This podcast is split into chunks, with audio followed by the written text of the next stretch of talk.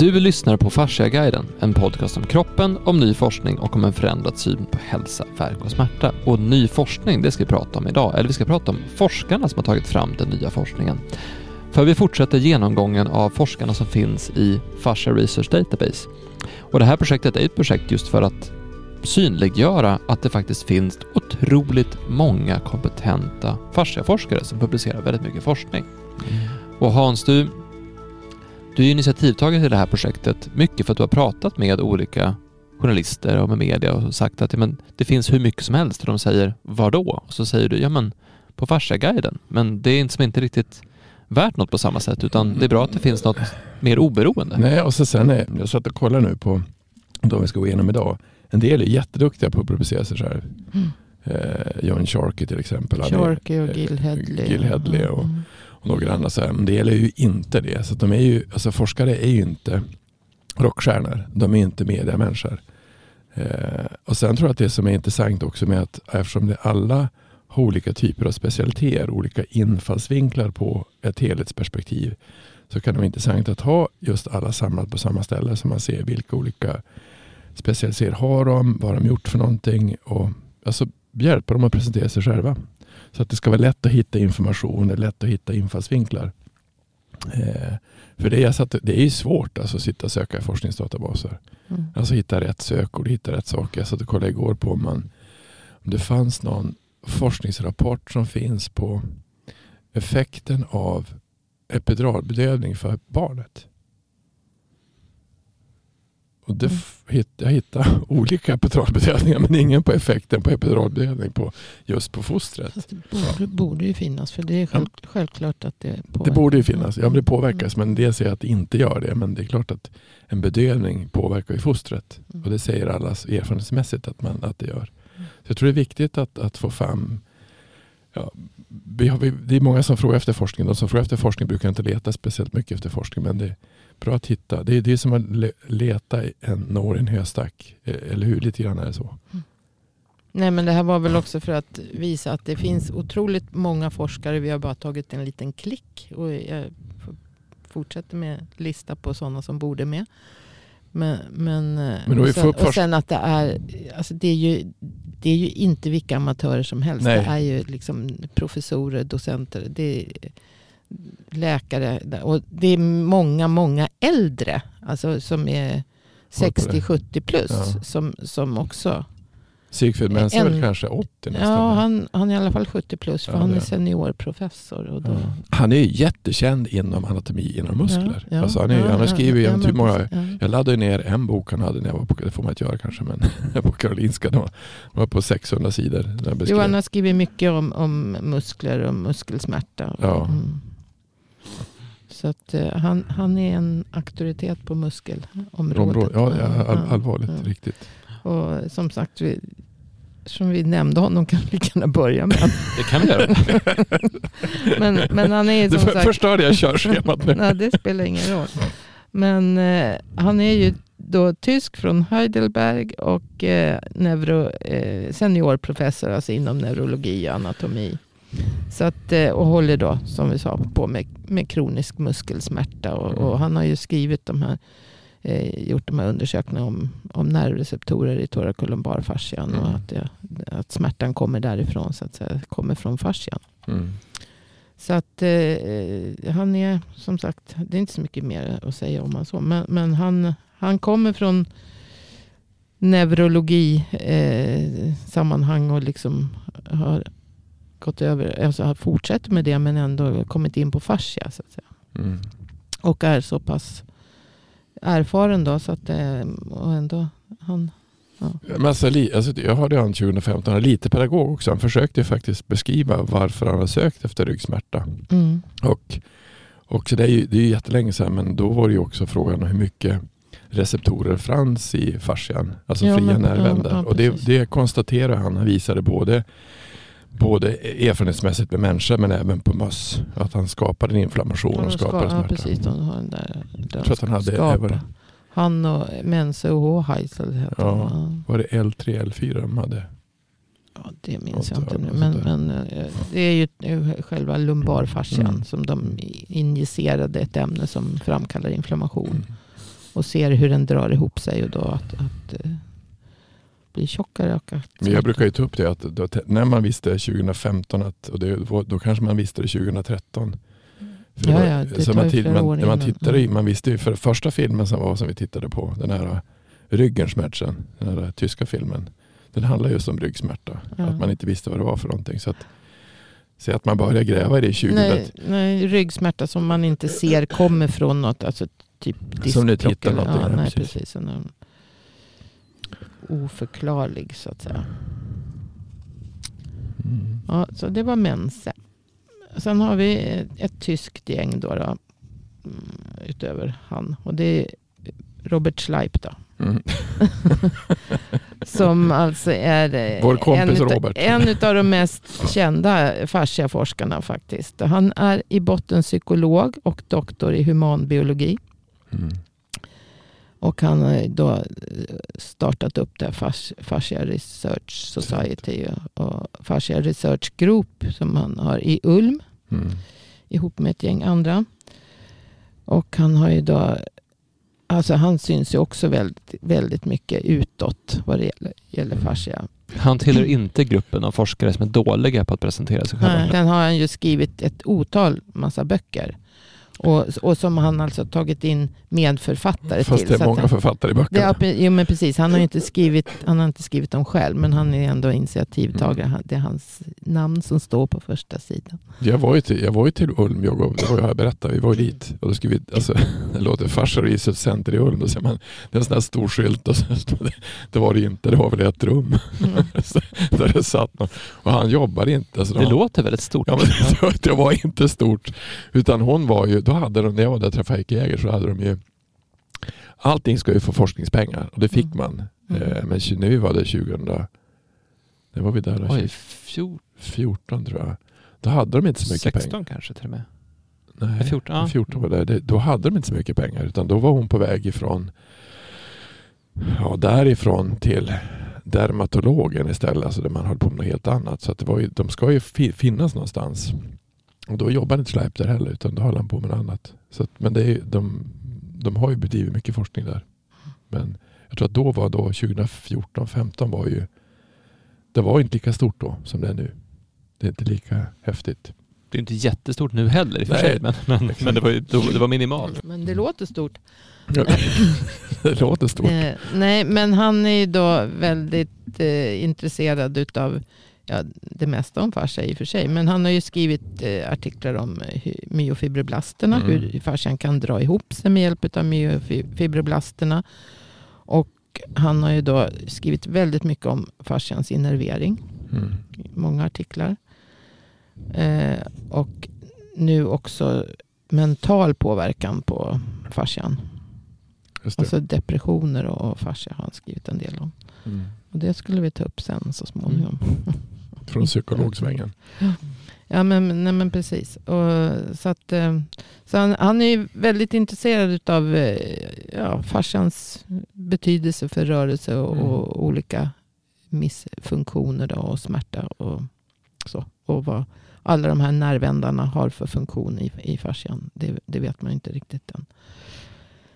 Eh, Men, men sen också, alltså bara att organisera allting och samla ihop alla och göra en grej av Han- det. det Det är hans- ju en bedrift. Ja. Alltså, man, man ska inte, oavsett vad man tycker om, om eh, hur saker är och sådär, så att det är det är fantastiskt att man har startat upp Fascia Research Society och att man har... Ja. Det var ju han och Ja. som gjorde det. det var och han, inte. han, hade, han var också med och startade första kongressen 2007. Mm. Eh, och har fortsatt alltså, att vara med delaktig i, i att dra ihop alla de här Mm. Fascia-kongresserna som går vart tredje år. Eller. Mm. Mm. Eh, sen hade vi Heike. Men henne vet ni mer om än vad jag vet. Jag har träffat henne Ja, febru- februari 2018 Ja. tror jag det var. 17 till och med. Var det 17 till och Mm, med? ja, hos oss. Ja, Eh, Vi åkte och träffade henne, jag och Karl. Eh, hon är väl lite mer som, mm, hon är ju biolog, men hon är lite, lite, mer som, lite, lite mer som du har gjort. Hon har ju varit väldigt bra på att läsa in sig på all annan forskning. Neurofysiolog är hon. Mm. Också Men med men- i det här Fascia Research Ja, Center men jag tror det de gjorde egentligen det var att de behövde någon som gick igenom mycket forskningsrapporter. För det hon egentligen gjorde när hon var till oss, det berättade om andra forskare, forskare har gjort för, vad- hur fältet såg ut då. Ehm, sen är hon, hon håller på mycket med hennes specialitet är ju, ehm, det är ju ultraljud. Mm. Alltså undersöka genom Ja, ultraljud. precis. Hur, hur man undersöker. Ja, Mm. och det var det som de började titta på. Hur ser egentligen fascian ut? Det hade vi med i filmen också. Dokumentärfilmen. Att ultraljud behöver man titta på. Vilket inte är helt enkelt heller. Trevlig, mycket, eh, mycket eh, påläst. Men det jag tyckte om henne när vi träffade henne var just att hon, hon var bra på, på att ge exempel. Hon kopplade forskningen till vardagen på ett väldigt bra sätt. Som pratade till exempel om det här med att när du stressar så tillverkar du ett visst ämne i kroppen och det ämnet kommer inte ut. Det kommer ut när du rör dig. Det bryts inte ner av sig själv utan du måste som aktivera dig på något sätt när du stressar. Så då, då den här bilden av att man, man sitter vid ett skrivbord och så sen så kommer det eh, ett, ett mejl som är upplevs som farligt eller stressande, då ska man egentligen resa sig upp och springa från bordet. Det kommer ju från hennes presentation 2017. Eh, hon pratar mycket om Också bra exempel det här med att varför björnar kan ligga i det och att de har ett ämne som gör att, att de håller sig eh, flexibla och rörliga även när de ligger stilla. Alltså det är Mm. mycket sådana här konkreta exempel. Mm. Eh, och sen så var det hon som sa, när hon var besökte oss, så var, hon var ju på en användarträff, så hon var ju tittade på Mm. behandling och fick Mm. behandling och tittade på hur vi jobbade och sådär. Eh, och just det här med att vi, de grundläggande premisserna för hur vi bedriver forskning har förändrats. Så att ut och observera, testa och det är ganska häftigt att ha en neurofysiolog som säger experimentera, kör. För vi vet för lite nu för att tänk att allting vi har gjort kanske inte stämmer längre. Så att ut och testa. Och det, det är nog inte många som, som är så öppet eh, nyskapande i sitt sätt att se på saker från den här världen. För många är liksom inne i med att man kanske ska bevisa saker utifrån en nuvarande paradigm. Men hon har ju varit, hon har pushat mycket för en paradigmförändring. Ja precis, hon bjöd in mig till Bäckenbotteninstitutet i Be- i Berlin också. Ja, titta. Alltså, så det, var ju också, det var också en jävla massa specialister som just på bäckenbotten. Eh, som är mycket, alltså kvinnoproblematik då. Jag tror att vi hade nog mer, eh, det var ju mycket 20, alltså från 2014 till 2017 samtidigt som vi var mycket inne i häst också. Så det var ju inte så att Bäckenbotten var ju bara ett sidospår. Vi höll på mycket med helt andra saker och då vi tog fram utbildning, och då vi tog fram utbildning för häst. Mm.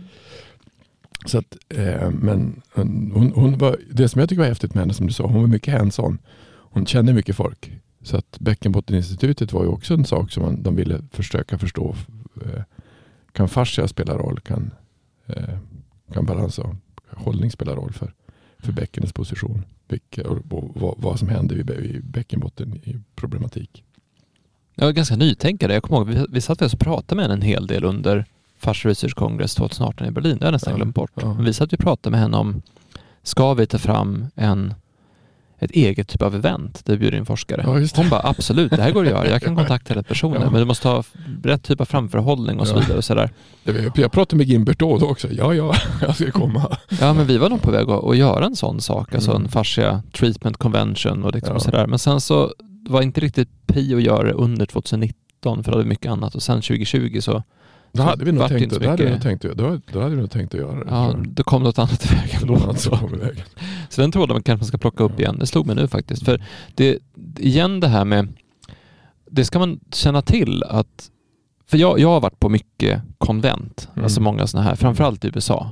Mm. Eh, marknadsföringskonvent, både 2010 med, med dig Hans, när vi Mm. var ju på med så här riktiga rockstjärnegalor kan man Mm. säga, fast med marknadsförare och eh, online-marknadsföring och sånt. Men även nu 2016, 17, 18 eh, när vi varit i eh, i Phoenix och Mm. jobbat mycket med det där. Och Det finns ju konvent och så finns det konvent Mm. och vissa konvent är ju bara det här med hur schemat är upplagt, hur olika sessioner är upplagda, vad som finns att göra mellan olika föreläsningar, hur upplägget är kring mat, hur, alltså kaffe och vatten och de där sakerna också. Mm. Alltså hur, hur är själva upplevelsen av att vara på event. Och Research Congress 2018 i Berlin, det var ju inte världens bästa upplevelse rent, alltså hur det var organiserat. Jag kom- kommer ihåg att man, när man skulle ta kaffe så fick man stå i kö i 35 minuter för att få Ja, det kaffe. jätte- för det fanns liksom ingen bra lösning kring det. Sprang vi ut och åt eller vad gjorde vi? Nej. Vi, vi, jag tror vi till och med gjorde så här, vi sprang iväg och åt någon annanstans för det gick inte att få mat på stället. Alltså det, var, det var mycket som var problematiskt med organiseringen och då var det ändå i Tyskland. Då tänker man att Tyskland är Ja. ordning och reda. Berlin kanske inte är lika mycket ordning och reda. Men så att det finns, det finns ju en det finns en helt annan potential som man skulle kunna göra någonting med de här fasciaforskarna Mm. på en helt annan nivå om man bara styr upp allting lite, lite mer. Så att en fantastisk eloge till de som har gjort det, men herregud mycket mer man kan göra. Mm. Ehm, så vi får väl se, det kanske är nästa steg i Fascia Research Database, men det, det får framtiden utvisa. Heikki Jäger i alla fall är ju en eh, nytänkare som är otroligt bra på att ta in mycket olika typer av forskning. Väldigt opretentiös skulle jag säga, alltså väldigt, väldigt Mm. prestigelös. Mm. Alltså hon är liksom inte, ehm, hon är nyfiken och tycker saker är spännande. Mm. Ehm, Mm. ja. Sen har vi Werner Klingler som är läkare docent i rehabiliterande ortopedi. Men sen är han är också neurofysiolog vad jag förstår. Han leder i alla fall neurofysiologiska muskellaboratoriet i, i Ulm också. Så han jobbar ihop med eh, Schleip och, och Heike Jäger. Mycket, skriver också mycket artiklar ihop med dem. Har han gjort. Framförallt med, Ganska ung med, man. med Robert Schleip. Ja, han är nog yngre. Ja. Mm. Mm. Jag har inte ålder på honom, men han är... Ja, men han såg, han såg Ja, typ jo, han, under ja, 50. ja. Han är inte professor än. Nej. Nej. Eh, Det finns ganska unga professorer också i och för sig. Men också med i eh, vetenskapliga kommittén för Fascia Research Society och sådär. Så, och mycket intresserad av idrottsskador och fascians påverkan på idrottsskador och rehabilitering. Då. Så håller på att forska på det. Eh, ja, också med i det här eh, när, när de forskar på myofibroblaster och hur fascian kan dra ihop sig. Och, och så. Mm. Så där var han också med. Så det är det här tyska gänget. Det finns väl fler. Ehm, Jan Wilke, också professor i rörelsevetenskap. Eller, ehm, ja, är också Frankfurt. Men han är också lite inblandad i det här gänget. Även om han inte är i Ulm. Då. Mm. Eh, han har någon eh, annan forskningsgrupp som kallas Fascia in Motion vid Frankfurts universitet. Då. Också väldigt intresserad av just det här med myofibroblaster och eh, sambandet mellan fascia och eh, rörlighet och sämre rörlighet och eh, fascia tjocklek och sådana saker Mm. och kronisk smärta. Så att det, det finns, eh, ja, de, de syns lite på samma artiklar de också. Sen har han också forskat på träningsverk och fascia. Men är det han som har kommit in lite grann och jobbat med fotbollslag? Tillsammans med den andra Jag filuren som vi såg i. Washington. Jag tror det. Och undrar om är det Mark Driscoll? Ja men det kan nog stämma, för jag vet att i den här eh, dokumentären The Mysterious World Under Skin som också finns på Fasciaguiden, där är ju han med under en del, där han visar just ultraljud ihop med idrottsskador, ihop Ja, med ja. Alltså just den här kopplingen mellan att det som händer i vaden kan sitta i ryggen och med, med ultraljud visa hur det faktiskt hänger ihop. Och det, Mm. och det, det här är någonting som vi pratar ju väldigt mycket om fascia. Vi pratar väldigt mycket om tryck och avlastning och tryck och olika sätt att ta hand om kroppen på. För oss är det ganska självklart att, att en fotbollsspelare belastar kroppen si, si och si och så. Men det betyder inte att man pratar om fascia inom fotboll. Och det, Mm. och det är det här som någonstans är, och det, det är även så att det redan 2015 så presenterade en tysk forskare, jag tror det var tillsammans med Wilke, det var inte Wilke men det var någon som jobbade med, för han var fysio för det tyska landslaget i fotboll som just hade vunnit VM-guld. Och Han pratade om hur de använde fascia, fasciabehandling, ultraljud, den typen av undersökningar för att hålla spelarna friska och i form. Mm. Och det här är också med, tror jag, i den här Mysterious World Under Skin, eller någon annan tysk dokumentär från samma tid. Men bara för att det används hos världsmästarna då, betyder inte det att det används överallt annars heller. Så det är ju, eh, men, men vilka är viktigt för, för den, för förståelsen för idrottsskador egentligen? Ja, precis. Och träningsverk och så. så alltså han är liksom väldigt... Eh, och fascians styvhet och, och sådana saker. Och nu har han också kommit in lite på myofibroblaster och eh, långtidseffekt av covid och fibromyalgi och sådana saker. Jag tror det luriga där. är allt det där. Du, du måste göra som du säger Axel. Du måste gå in och titta på utifrån eh, än ett, alltså gå in specifikt på en idrott. Och se vad det är för någonting som är tokigt. Alltså, om man ska göra någonting. Så det är det som är så lurigt. Ja, Mm. Sen, eh, ja det kommer kanske någon tysk till här sen. Du känner att du beta av tyskarna här. Ja, precis. Nej men det var ju lite att de, de faktiskt eh, är, har lite gemensamt och jobbar ihop. Vad märkligt att tyskarna är intresserade av samma sak. Ja. Det är funktion, rörelse. Men, och, eh, han är ju också sån där, han- och, och Schleip, alltså Filke och Schleip har ju eh, gjort undersökningar på det här med betydelsen utav, vad heter det, Roll, rolling? Alltså, Foam rolling. Foam Foam rolling, ja, ja precis.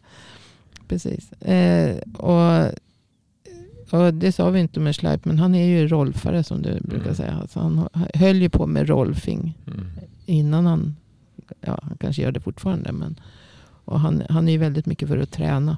Mm. Så, och, så att Filka och han har ju varit eh, undersökt då effekter utav foam rolling. Mm. Minns han skickade, Schleip skickade till mig ett sånt här ja, om, om, om eh, C1. Ja, just det. Att det var större Ja. på ena sidan. Ja, jo, precis. Eh, Schleip håller ju också nu på väldigt mycket med, eh, kommer jag på nu, eh, vi, effekten utav vibrationer på fascian. Just det. Mm. Det står på, han, han är med på en massa sidor på nätet. Man kan läsa om det där. Mm. Och det, det, hur det påverkar olika frekvenser, hur det påverkar. Ja. Så att, han har blivit lite intresserad. Efter ett tag. precis. Ja. Sen har vi eh, Helen Larsman. Som är också en av mina favoriter. Mm. Eh, som är då, hon var professor, två, hade två olika professurer på Ehm, neuro, eh, neurologi och, och medicin. Harvard och, och något annat eh, universitet, Vermont.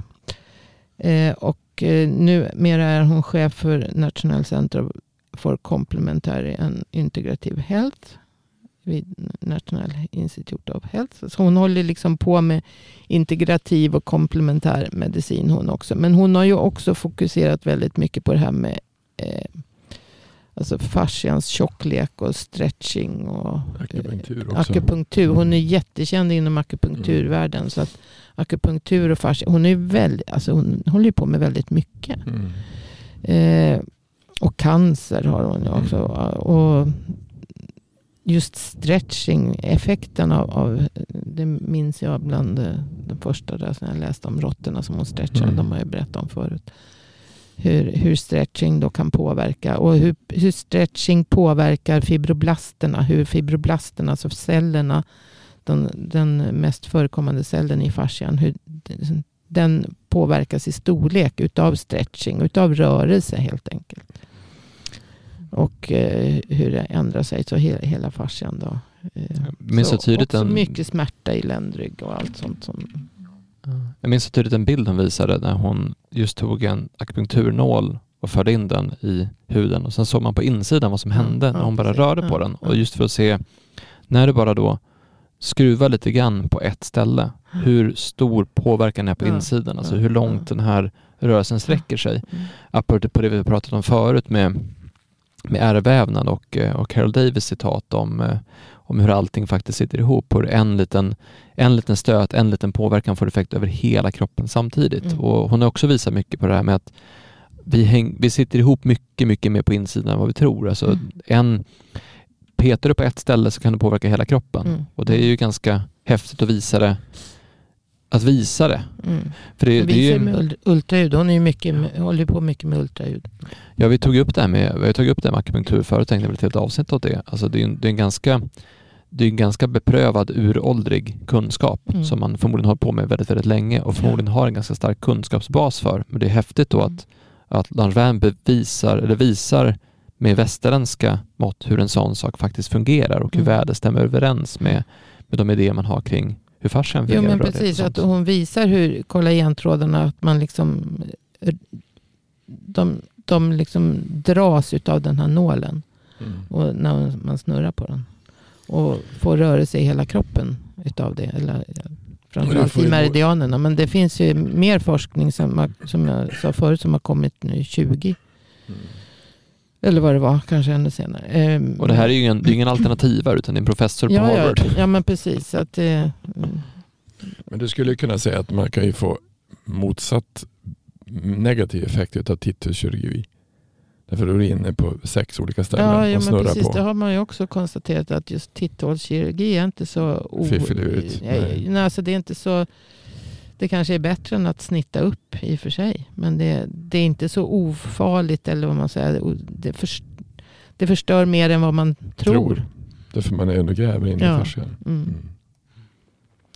Så att, eh, nej men hon är, väldigt då, eh, stor auktoritet inom just komplementär och integrativ medicin. Då, alltså hon, hon håller på eh, med det mesta tycker jag på många olika områden.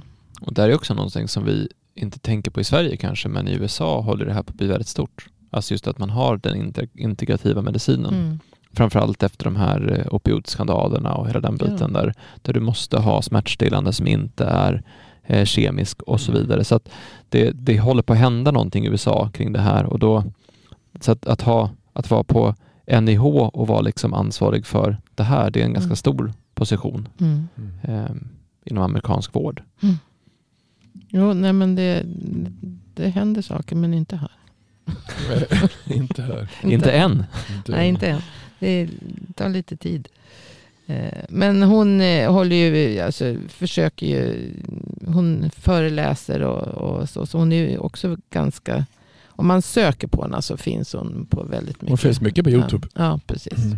Hon kanske inte är så där eh, liksom riktigt utåtriktad som, som Schleip och, och Gil Hedley och, och gänget. Mm. Men visst har du valt ut ett gäng föreläsningar med henne också till Fascia Research Ja, Database? ja. Så går ni in på Lunch Vans sida på Fascia Research Database så hittar ni utvalda. Ja, ja, ja. och även. Youtube-klipp Ja, precis. tror jag har jag lagt upp där.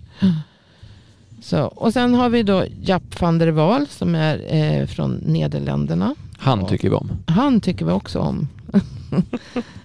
Men han är ju då också... Var det han som Sharky re- refererade till med det här med, nej. Ja, det tror jag att han, han refererar mycket till. Han har ju eh, skrivit mycket om Han är ju alltså docent i anatomi och embryologi. Men han är pensionerad. För, för inte jättelänge sedan. Eh, och, eh, men alltså väldigt, väldigt intresserad av embryologi. Har skrivit och, och gjort väldigt mycket om embryologi. Och, och har också eh, kurser och, och föreläsningar, webbinarier. Alltså som, om man går in och söker på honom. Som eh, inte är helt gratis då tror jag. Men, men, eh, han, Vilka, han, vilka av de här du hittat på London? Vad heter den där engelska sajten som finns? Fascia. Fascia Hub. Ja, är de med där? ja, Japp van der Waal, åtminstone så har han ju varit med på alla de här kongresserna. Han är ju nästan alltid med. Vi ägnade ju faktiskt ett helt avsnitt åt Japp van der Waal, eh, avsnitt 69. Det var ett tag sedan, men det var efter British Fascia Symposium där Ja, han pratade precis. just om, om embryologin och hur du kan se fascian i ett väldigt, väldigt tidigt stadie, alltså redan efter några dagar va? Ja, Eh, och Mm. även hur Och det här är ju den revolutionerande tanken som Ja. han har kommit med och det är att, att fostret påverkas av sin omgivning och miljö redan direkt, Mm, alltså redan men på en gång. Mm. Vilket gör att allting du gör som gravid påverkar fostret Mm. redan, redan direkt. Mm. Och så säger man ju inte att det är idag Mm. eh, på det sättet. Så att det här är ju en, det skulle kunna få jättestora konsekvenser för man ser på livsstil eh, Mm. som gravid om man Mm. tar det här på allvar. Jo men precis och det har vi pratat om med flera, eh, flera saker. Hur, hur, sist var det bara oxytocinet. Hur det Mm. påverkade fostret och även fostrets barn i framtiden. Sådana Mm. saker. Alltså, så att det, och han håller ju på just mycket med sånt. Mm.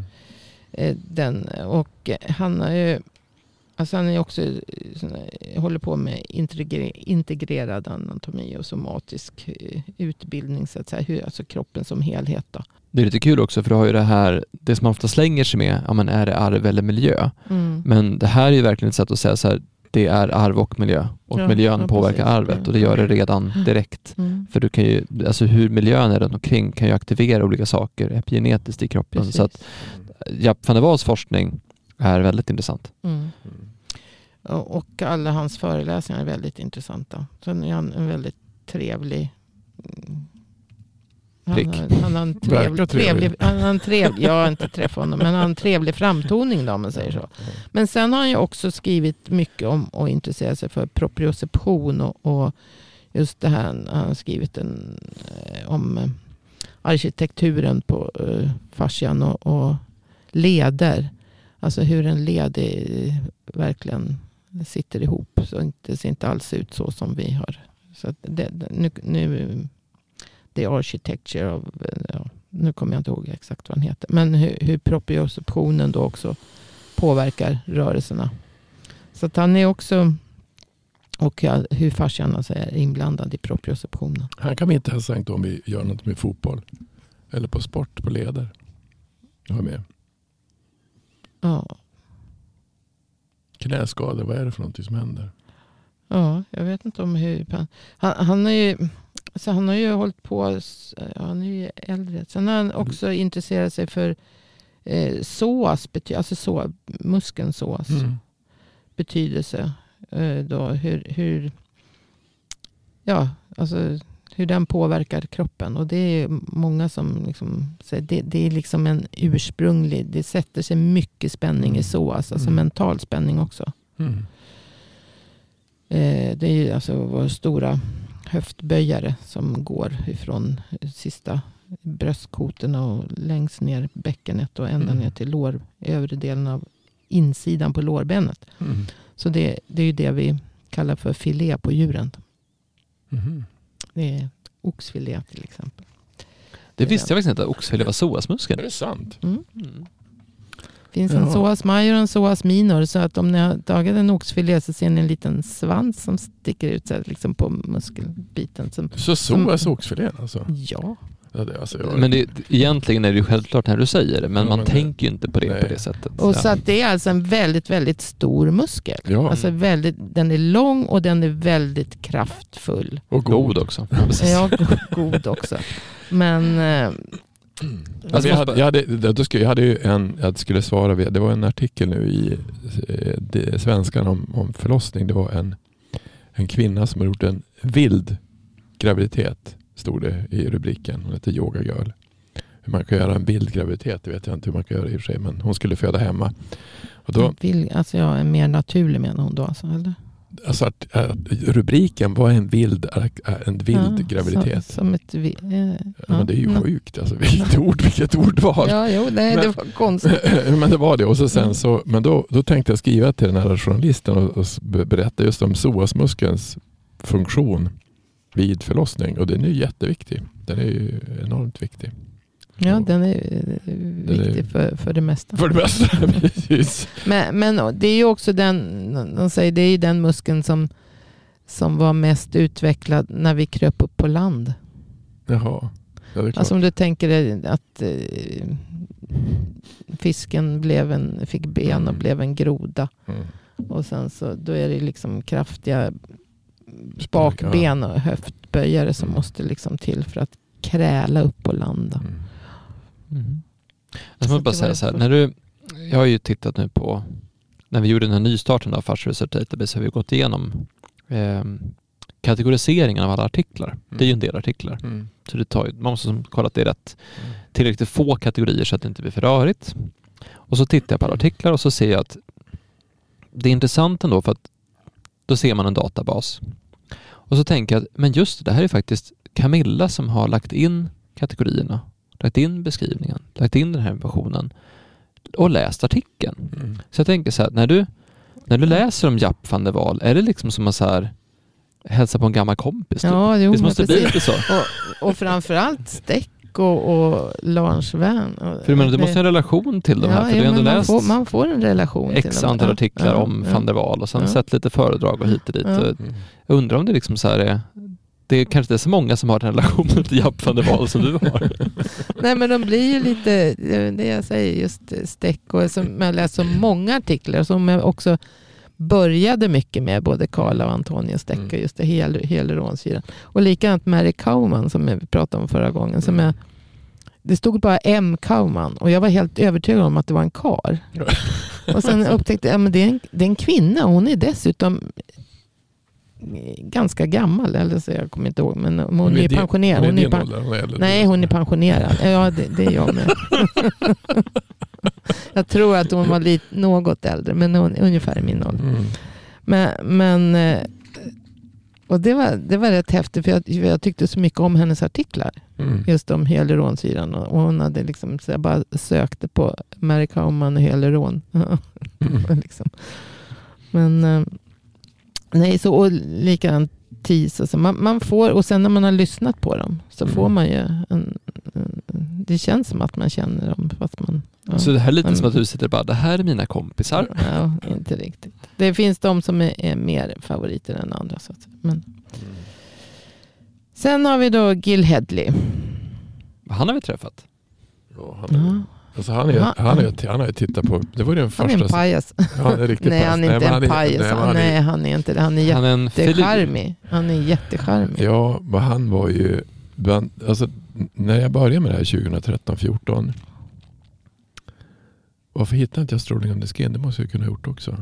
Men man, man, man söker på olika sätt. sätt och Jill Hedley hade en, en, en grej på, på nätet som kallades FASS. Alltså det- Mm, det- ja, just det. just det. Fast, eh, F-U-Z-Z. Ja. Han pratade om det FASS. Han är ganska rolig för att han är ju Ja. han är ju lite filosofiskt lite så. Men jag, Ja. satt, jag, tror, jag tror jag lyssnade kanske. Han har ju någon timme visat dissektion utav någon kvinna och någon man. Sex timmar tror jag var på Youtube. Jag såg alla de där så när jag träffade han i Washington. Det är du, så jag.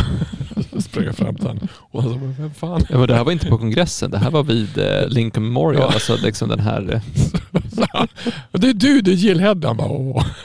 Alltså, vem är du, vem är du? Jag heter Hans Briner. Jag tror inte att han har blivit stannad på gatan förut, på det, alltså då, på det Nej, sättet. nej. Eh, Han kanske blir nu för att han, han har ju varit väldigt eh, mycket ute. Han har ju, syns ju väldigt mycket på Och Han var ju kompis Facebook. med, med, eh, med Julian Baker. Julian Baker. Mm. Mm. Så att det var de vi, då hade vi lite prat med dem i Washington. Det var inte så jävla många i Washington. Kanske var 150, 300 pers kanske. Mm.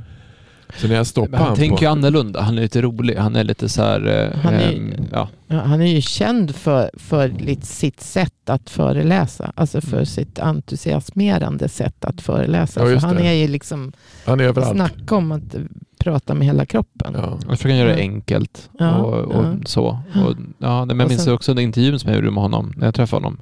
Jättebra på att prata men, men just att han beskrev det som att fascia är som ett fotonegativ. Att du har, du har tagit en bild och då ser den ut på ett sätt men sen så ser du negativet och det är som att allting är omvänt. Ja, ja. Det är, det är ett helt annat, det är som att man, man måste titta på bilden. Exakt samma sak ser man, men man ser det på ett helt annat sätt. Mm.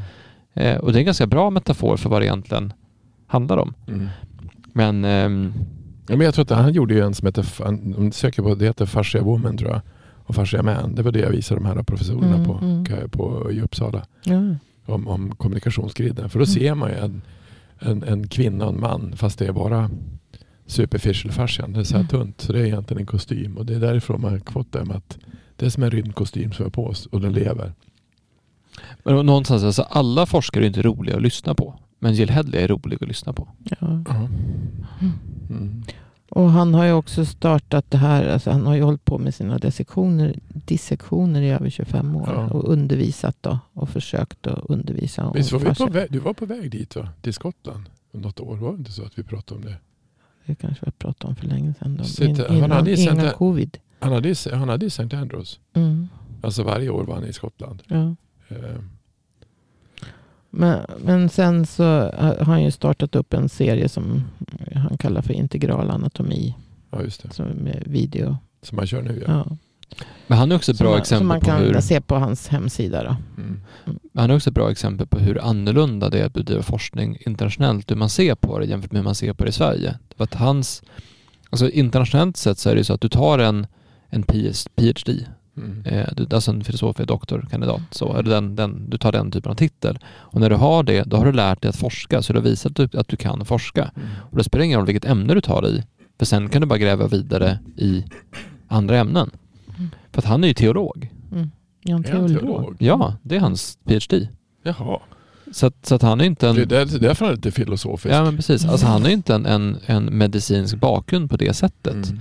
För jag, jag satt och tittade på, vi skulle ha till våran, eh, när vi gjorde dokumentären och när vi gjorde den här eh, Fascia Research Congress-filmen. Mm. Vad, vad har han för titel egentligen? Eh, Ja, han, har för- så, han är ju sån där, alltså titeln är ju så somat. Men det står i- att han är filosofie doktor i integrerad anatomi och somatisk, somatik. Ja men precis, men det var som svårt för jag var tvungen att googla runt, så här, vad är han för något egentligen? Ja. För att han är ju överallt, han pratar ju med auktoritet, han har ju dissekerat flera hundra kroppar och han, Mm. även de här fasciaforskarna pratar ju om honom som att han är liksom en auktoritet. Ja. Men i Sverige är det lite annorlunda, för i Sverige är det så här, ja du är professor i anatomi eller du är läkare eller du är hit och dit. Så vi är väldigt noga med att titeln och ämnet hör ihop. Mm. Men internationellt så är man inte det på samma sätt. Nej. Därför blir det som att det var svårt att översätta hans titel till svenska. Mm. Ehm, för det var som så här, ja men vad betyder det här då? Mm. Ehm, och det kan man ju ha med sig att alltså, bara, för att man, bara för att man är på ett område betyder inte att man inte kan vara på alla områden. Utan Men man, vi är ju civilekonomer. ja precis.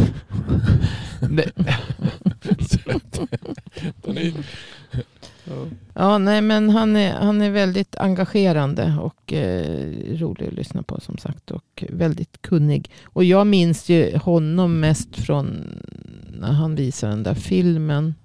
Ja, det var väl på eh, kongressen i Berlin förresten som Mm. han visade den. När han eh, satte tyngder. Han, han skar ut ett, ett, en bit ytlig fascia. Ja. eh, ifrån ett kadaver. Alltså Och från- hur starkt det var. Ja, visade hur- och hängde Och- och och tyngd i det. Och liksom höll och, och jag kommer inte ihåg hur många kilo det var, men det var många kilo. Det var många, det var må- 50 eller sånt där. Ja, det var i alla fall bra många kilo. Han eh, lyckades ju lyfta det själv i alla fall. Med, Mm. så, så, och sen så drog han liksom ut det över kanten. Så att Mm. inte, och den gick inte sönder. Och sen när han så att säga, tog in det över kanten igen på den bänken han, han då höll till på. Så att eh, fascian blev avlastad. Då gick det tillbaka. Mm. Så att den, den liksom, Fast det var dött. Ja fast det var dött. men det var ju ganska färskt dött. Men, men just att det liksom stretchade ut men gick inte sönder trots att det var massor med kilon. Så att han knappt orkade hålla det vet Mm. jag. För att han stod på en pall och liksom skulle, så att det inte gick ner Den här helixstrukturen som Ja, finns. mm. Och sen så bara drogs det ut och blev, från att det har varit en, en fyrkantig ja, liten kvadrat så att säga, så blev det en lång avlång Mm. Eh, fascia eh, bit då, så att säga. Men sen när han då avlastade den igen så gick det tillbaka. Vi, vi klättrar ju nu jag och Ivar. Eh, Och då har man ju klätter, vad heter det, klätterlinorna. De är ju också gjorda i, i helix, alltså strukturer så här. Mm. Och de, de flexar ju. Alltså de är som stö, alltså, de är inte styva utan de Nej. blir, de blir Nej. elastiska. Jo, precis. Eh, Men det där med att han är kul för att han, det är inte alla fascia forskare som bara, men låt oss ta ut lite kollagen och fasciastrukturer och hänga dem i ett, eh, en tyngd och se vad som händer. Det är liksom ganska, det är, det är Ja. roligt att man gör sådana exempel för det blir väldigt, när man gör, när man visar Ja. i exempel och bilder på det sättet så blir det så fruktansvärt konkret. Mm. Jo, man Men jag tror också det, han, det som är också intressant med han, det är att han, han jag tror att det han har vi med någon gång när vi brukar köra fascia workshop att alltid när han har en föreläsning på, om han har föreläsning på sex timmar då har han 40 minuter om förenklingar. Mm. Därför det är alltid förenklingar. Mm. Och han är ganska, då är han ganska ödmjuk. Alltså att han har ju dissekerat, jag tror att det var för han är lite känd i fasciakretsar. För han har dissekerat så in i helskotta mycket kadaver. På samma sätt som de, de får ju lite respekt. Det fick ju det fick väl Vibeke också egentligen för att hon gjorde, alltså veterinären, att hon har dissekerat mycket hästar. Det var ju 25 hästar de åkte igenom. Att det är ganska mycket jobb att, Mm. Mm. att som, alltså, mappa upp och se hur det ser ut. Och det är inte så många som har gjort det. Kanske. Sharky har ju också, och Steck och gänget har ju också Ja. dissekerat enormt många. Mm. Ofta gör de det ju faktiskt tillsammans också. Mm. Eh, sen har vi då en, eh, han är inte så André Fleming, eh, också Nederländerna. Professor i anatomi och neurovetenskap. Som, han hänger ju egentligen ihop med det här Ulmgänget också en del tror jag. Eh, som, eh, just med muskulär smärta och hur fascian påverkar rörelser och, och fascians form påverkar rörelse och stabilitet och den allmänna hälsan så att säga. Mm. Han har också fokuserat en hel del på pelvis, alltså på bäckenet. Mhm. och dess anatomi och funktion och muskulär smärta. Eh, jag undrar om det var han som, jag fick för mig att det var han som eh, på kongressen varit lite osams med Melody Schwarz. Just över det här med om flödet gick i kroppen, om, om det spred cancer eller inte. Men, men hon, hon sa att man absolut kunde behandla och få igång flödet. Men han sa att man inte skulle göra det. För, men jag är inte helt hundra, men jag fick för mig att det var Fleming. Det var ju det som, det var ju någon av de där forskarna som hade gjort fel metafor. De hade gjort, allt det där bygger på att man har använt i djurförsök har man använt silikon som för att visa cancer. Och silikon finns det inget flöde alls i. Period. Men det finns ju alltid. Det, kan, alltså, det är det som är när man tar någonting som är en, en, man försöker att efterlikna någonting som man tar som är artificiellt som silikon är. Som ska visa en cancertumör och så blir den kap- inkapslad. Mm. Men den kan ju aldrig förändras. Då har du ju en, en, en, en roten i hela svulsten, är, den går inte att förändra. Men eftersom det, det hon visade, som vi hade för, vi pratade om, det hon visade egentligen, eh, Patricia Keeley, det var ju att förändrar du strukturen så förändrar du cellerna. Mm. Och så, så, när vi gjorde Frozen Shoulder-studien så var det att du förändrar, du, förändrar du eh, strukturen som man kan göra med Frozen Shoulder via manuell behandling så, så, så går den bort. Mm. Då, då läker kroppen. Så att jag tror att det svåra egentligen det är att det tror jag är, det var därför Shark, jag satt och lyssnade på ett program med Sharky när han refererade till det där. Och då jag kollade på det där. Minns jag berättade för dig. Mm. Eh, och då sa att de har gjort fel. De har gjort fel, alltså det experiment som de hänför till en rapport, så den är felaktigt gjord utifrån hur kroppen egentligen ser ut. Eh, så att man, man där, jag tror att det var därför de, det var, han var ju så säker på att det var så. Och hon, eh, eh, Melody Schwartz var ju säker på att det inte var så. Ja, jo, men precis. Hon, ja, men hon menar på att visst, du sprider, eh, får igång flödet och sprider kanske cancercellerna. Men du får också igång immunförsvaret. Så att du, du får... Ja, men alltså hela, hela, hela Melody- Schwartz grej det var ju att hon sa ju att eh, när det finns, alltså om det finns en organisation, en struktur som en cancertumör är Mm. så går eh, Immunförsvaret dit och kan inte döda den. nej, alltså, nej, men hon sa ju att egentligen går cancercellerna och knackar på på polisstation vi är här. Ja. Ni får inte göra någonting med oss. Och, och eftersom strukturen är sån att de ska vara där, för det är ju faktiskt en, en, en fysisk struktur som är fibrös och tät. Mm. Så, så det finns inga andra celler som kan bo där. Det Så går likna väldigt mycket med, med korruption. Alltså har, du- har du en korrumperad poliskår Ja, så kommer inte poliskåren att, att eh, haffa maffiabossen för maffiabossen är i poliskåren. yes. Mm. Men om du skulle tillföra en, om du skulle ta samma maffiaboss och stoppa den i ett samhälle med en perfekt poliskår så skulle maffiabossen åka dit. Så att det är liksom, Men metaforen är att by, bygg, tar, du bort, tar du bort strukturen, den, den, den biologiska strukturen som finns, Mm. så finns det ingen grogrund för, för, för cancer. Nej, och det, då är det jag menar att om du stoppar en cancercell, cell, en cancertumör i en frisk vävnad så kommer den att dö.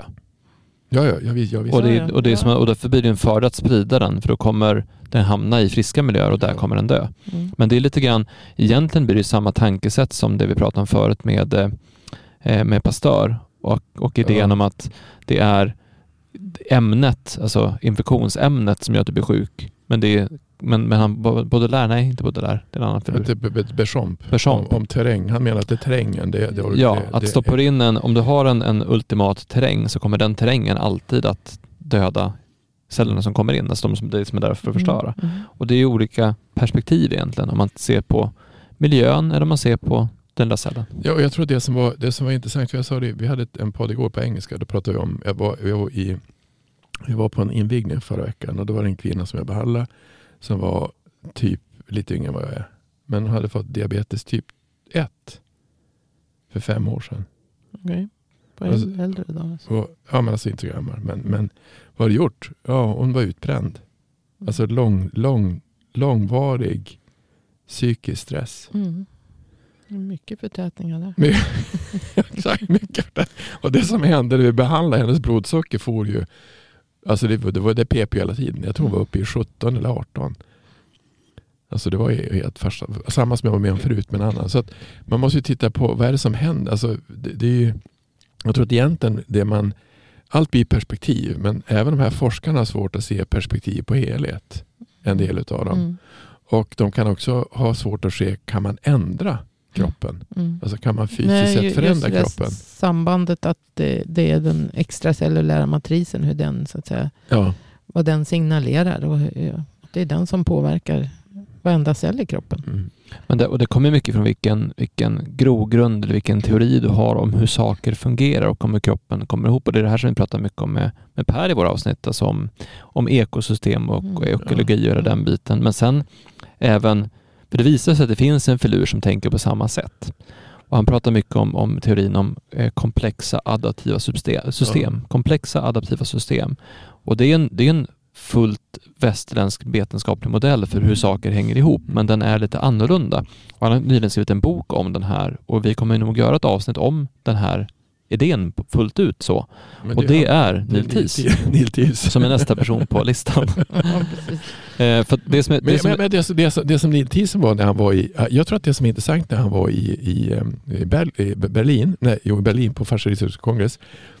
Han säger ju att om vi mer utav oss träffas som har upptäckt andra saker så kommer vi till slut att upptäcka att det är samma sak vi pratar om. Ja, Vi pratar mm. om, vi pratar om samma kropp, Mm, mm, samma struktur. Det var perspektivet att se strukturen på som gör att vi blir separerade. mm.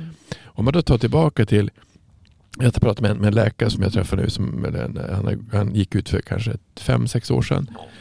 Eh, läkarutbildningen då som han hade, när han gick ut för fem, sex år sedan, då, och då, om vi säger att fem, sex år sedan så visste vi att det inte var på det sättet. Men man säger att, de säger att cancer är genetiskt. Mm. Men egentligen så säger man, han menar nu, han är funktionsmedicinare, han säger att vi vet att, att kanske 5, 5, 3, mellan 3 och 5 procent är genetiskt. Det är jättelite som är genetiskt. Mm, Utan det som är, det är hur livsstil, hur vi lever. mm. Och det är ett helt annat perspektiv. Om, om det är livsstil, då blir det inte, då blir inte cancern, då, då blir det samma cancer för alla istället för att genetisk cancer. Mm. Och perspektivet är ju jätteannorlunda. Så att jag tror att det, jag tror att det som är intressant med det är ju, eh, ja, ja, vad, är, vad, är fars, vad är helhet för perspektiv? Och hur svårt är det att ta in det? Så Neil Tees, han är, han, han, jag tyckte, det- när han berättade om hur han hittade det där, det är ju rätt roligt att han hittade att lever, levern hade hårdrum och där får det vätska. Och sen att ge sig in i det fältet är ju rätt häftigt det han gjorde. Men han är, det är många som var med i den här rapporten på interstitium. Ja, ja. Det, men han, det var ju den, men sen skrev han ju en till som, där han liksom... Det var den du skickade till mig häromdagen. Ja, precis. Det är, det är en till i den serien. Ja. Med, interstitium är en då, som blev... Men, men just att, att det faktiskt vandrar mellan organen. Alltså Ja. inte bara... Inte bara lokalt inte- utan det nej, far runt, nej. runt, runt. Ja, precis. Så att det, det är samma interstitium som går emellan alla organ. Och alltså det finns liksom inga gränser. Det är väl den där. Men det vi hade, vi hade, vi hade, vi har, satt, vi har satt, gjort ett program nu på engelska och så pratar vi om, då ska vi försöka prata om det första om, var det första programmet vi pratade om fluid flow? ja, så det första svenska programmet. Ja. Mm. Är är det, för det var ju han, eh, Fluid Flow, det var ju Kristoffer Rubin som hade, eh, att fascian hade ett flöde på 7,5 liter. Är det samma sak? Fast olika namn? Interstitium? Ja, det, ja, ja. Det är. Eller? Det är. Interstitium är ju det, det man... Det, har man ju, det var ju därför han fick väl mycket kritik. För ja, det där är väl inget nytt. Eh, Alltså för det interstitium är inget nytt. Så, utan det är ju det, vi kallar det också för vävnadsvätska. Det platsen, flödet eller vätskan mellan alla celler i kroppen. Mm. så att säga. Men vad man, inte, man har väl inte förstått funktionen av det så som, Som de eh, gjorde. Och, som TIS förklarar. Och sen att just att det inte finns några avgränsningar. Man kanske har trott att levern har sitt interstitium Interstitium. och njurarna har sitt interstitium. Och sen är det liksom ingen kontakt däremellan. Mm. Utan det är, det är blodflöde och så som går ut och in och, eh, i organen. så att säga. Mm. Det är där allt flöde är. Men, men det finns ju alltså, det finns inga gränser mellan runt om levern gentemot andra organ eller eh, interstitium utanför så att säga. Utan Mm. det, det, flödar, det flödar fritt. Sen, är, sen kom man väl fram till också att det, det är vissa motorvägar som sagt. Och det, är- det är väl samma sak som det här med meridianerna. Det, det är vissa motorvägar där det flödar fortare. Mm. Eh, Men Thies som sagt, han är ju då professor i, i patologi och han är alltså leverpatolog. Så han har suttit med mikroskop och diagnostiserat olika leverproblem så att säga i hela Tålamod. sitt liv säger han. Ja. Men han är ju också stamcellsforskare. Så att han, han håller ju, har ju liksom verkligen kommit in på det här med stamceller. Att Mm. att eh, det... Eh, ja, det, men, eh, Men, men han måste väl ha fått en ny skjuts i sin forskning efter 2017-2018 när han började komma in på fasciabiten mer. Alltså han, måste, han har väl gjort mer sedan dess än han hade gjort innan, eller? ja, det, ja det, jag tror att han... För nu, han är ju... Sist jag lyssnade på honom så han har ju en medförfattare, eller han har ju många medförfattare med interstitium. Men, men han, i hans grupp så finns det en tjej som heter Rebecca Wells. Mm. W-E-L-L. Eh, S.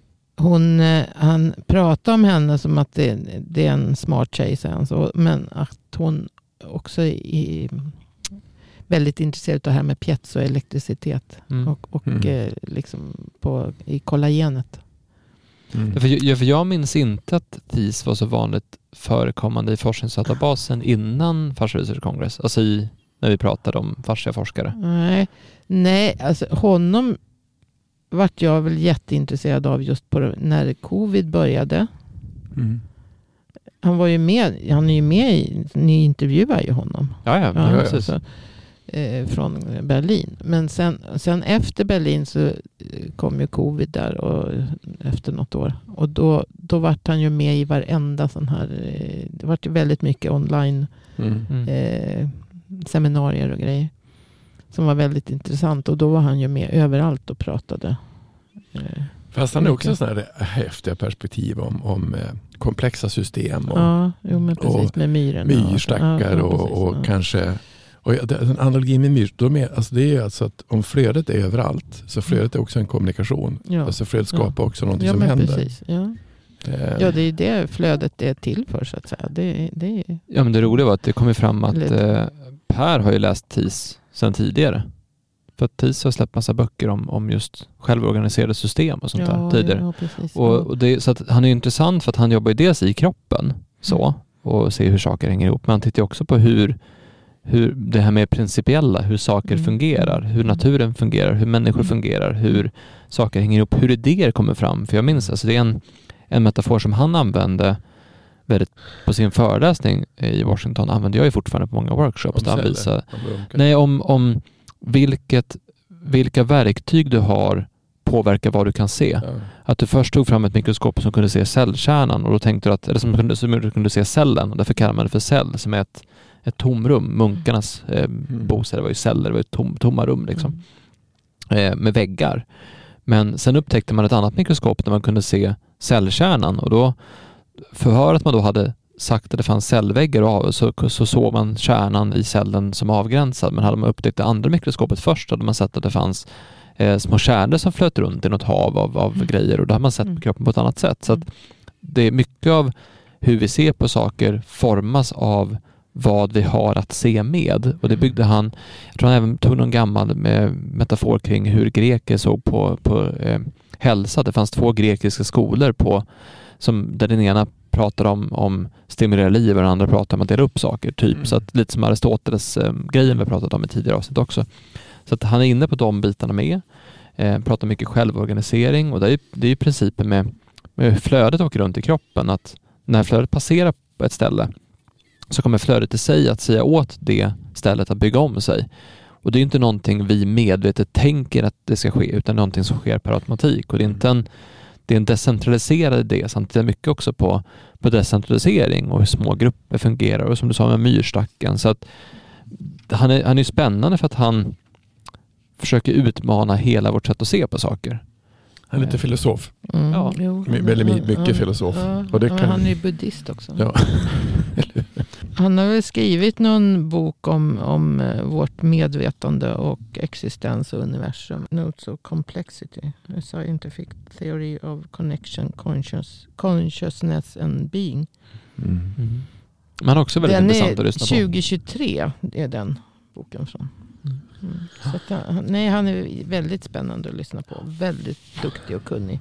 Så alla de här forskarna kan man då hitta på Fars Research Database. Och då hittar man dels deras artiklar, alltså i originalform. Sen hittar man även den här sammanfattningen om vad handlar artikeln egentligen om, den kortare varianten. Och sen har vi även samlat då föredrag med de här, så Youtube-föreläsningar och, och det finns ju på alla de här, eller hur? Någonting Nästan, på. nästan alla, inte riktigt alla. Eh, En del hittar man ingenting på. Och förhoppningsvis så, ni när ni har hört det kanske ni får upp ögonen för att ja, men just, just TIS lät intressant eller, eller kanske, kanske var det Lars Wern jag vill lyssna på eller sådär. Så vi hoppas att ni tar en titt på Japp van der Waal och hans eh, föredrag om embryologi till exempel. Precis. Mm.